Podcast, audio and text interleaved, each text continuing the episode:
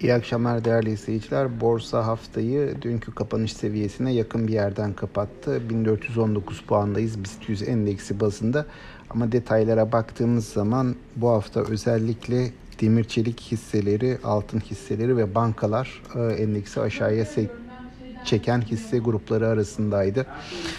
Bu hisselerde bugün de satışlar devam etti. Hani haftanın geneline baktığım zaman demir çelikte %5'i geçen bir düşüş var. Yine altın hisselerinde %4,5 kadar bir kayıp var. Bankalarda da %1,5 kadar bir kayıp var. Bugün bankalar yine %0,7 gerilemiş. Ee, bugün endekse destek veren sektörlere gelecek olursak e, havacılık şirk sektörleri destek verdi. Bunun haricinde bir de Koç Holding'in e, destek verdiğini söyleyebilirim. Aynı şekilde BİM'den de endekse verilen bir destek var. E, bu sayede yatay bir kapanış yapmış olduk. Ama risk iştahı oldukça zayıf. Bu işlem hacimlerine de yansımış durumda. E, haftanın son işlem gününde borsanın işlem hacmi de haftanın en düşük seviyesine geldi. E, zaten bu ayın ortalama günlük işlem hacmi de bir önceki ayın altında seyrediyor şu an itibarıyla.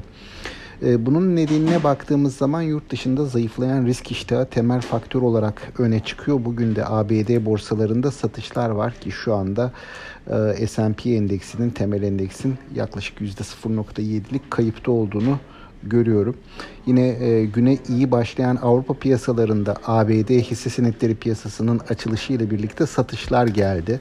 Özellikle DAX tarafında dikkat çekici bir düşüş var. Gün içerisinde yaklaşık zirve seviyesiyle şu an bulunduğu seviye arasında %2'lik bir fark oluştu ve e, düne göre %1 civarında eksi de Almanya tarafı da. Niye böyle oldu? Çünkü yurt dışı tarafta e, hisse senetleri açısından özellikle ABD hisse senetleri açısından e, Ağustos ayının sonlarında hisselerin değerlerinin bir hayli şiştiğine, bir düzeltmenin olabileceğine dair görüşler yoğunlaşmaya başlamıştı. Bunu ifade etmiştik çeşitli kereler. E, ve bunun öncesinde Eylül ayı ile birlikte e, hem ekonomide alınan işaretler piyasaların hoşuna gitmemeye başladı. Bu anlamda özellikle enerji fiyatlarındaki yükseliş piyasaları biraz rahatsız etmeye başladı. Dolayısıyla bu o, bahane edilmiş oldu bir anlamda ve sektörlere, hisselere satışlar gelmeye başladı.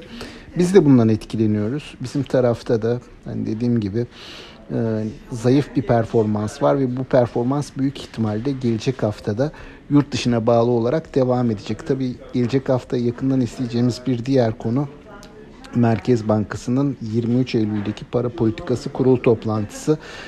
Kurul toplantısı öncesi kurda hareketlenme var. Bu hareketlenme hem doların küresel piyasalarda yabancı paralara karşı değer kazanmasından kaynaklanıyor hem de gelecek hafta alınacak faiz kararının piyasa tarafında bir miktar belirsizlik yaratmasını gösteriyor, yarattığını gösteriyor.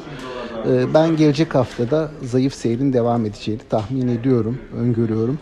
Ee, ama sonrasında eğer yurt dışı taraf toparlarsa bizim e, borsamızda da yukarı yönlü bir hareket başlayabilir. Bu arada BIST 100 endeksi 1400 puan seviyelerine yaklaştıkça bir miktar destek görüyoruz bu seviyelerde.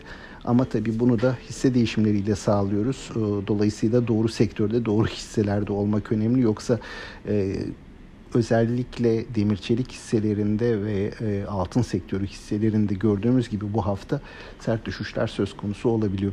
Haftanın ardından aktaracaklarım bunlar. Sağlıklı, bol ve bereketli kazançlı günler diliyorum. İyi haftalar. Yeniden görüşmek üzere.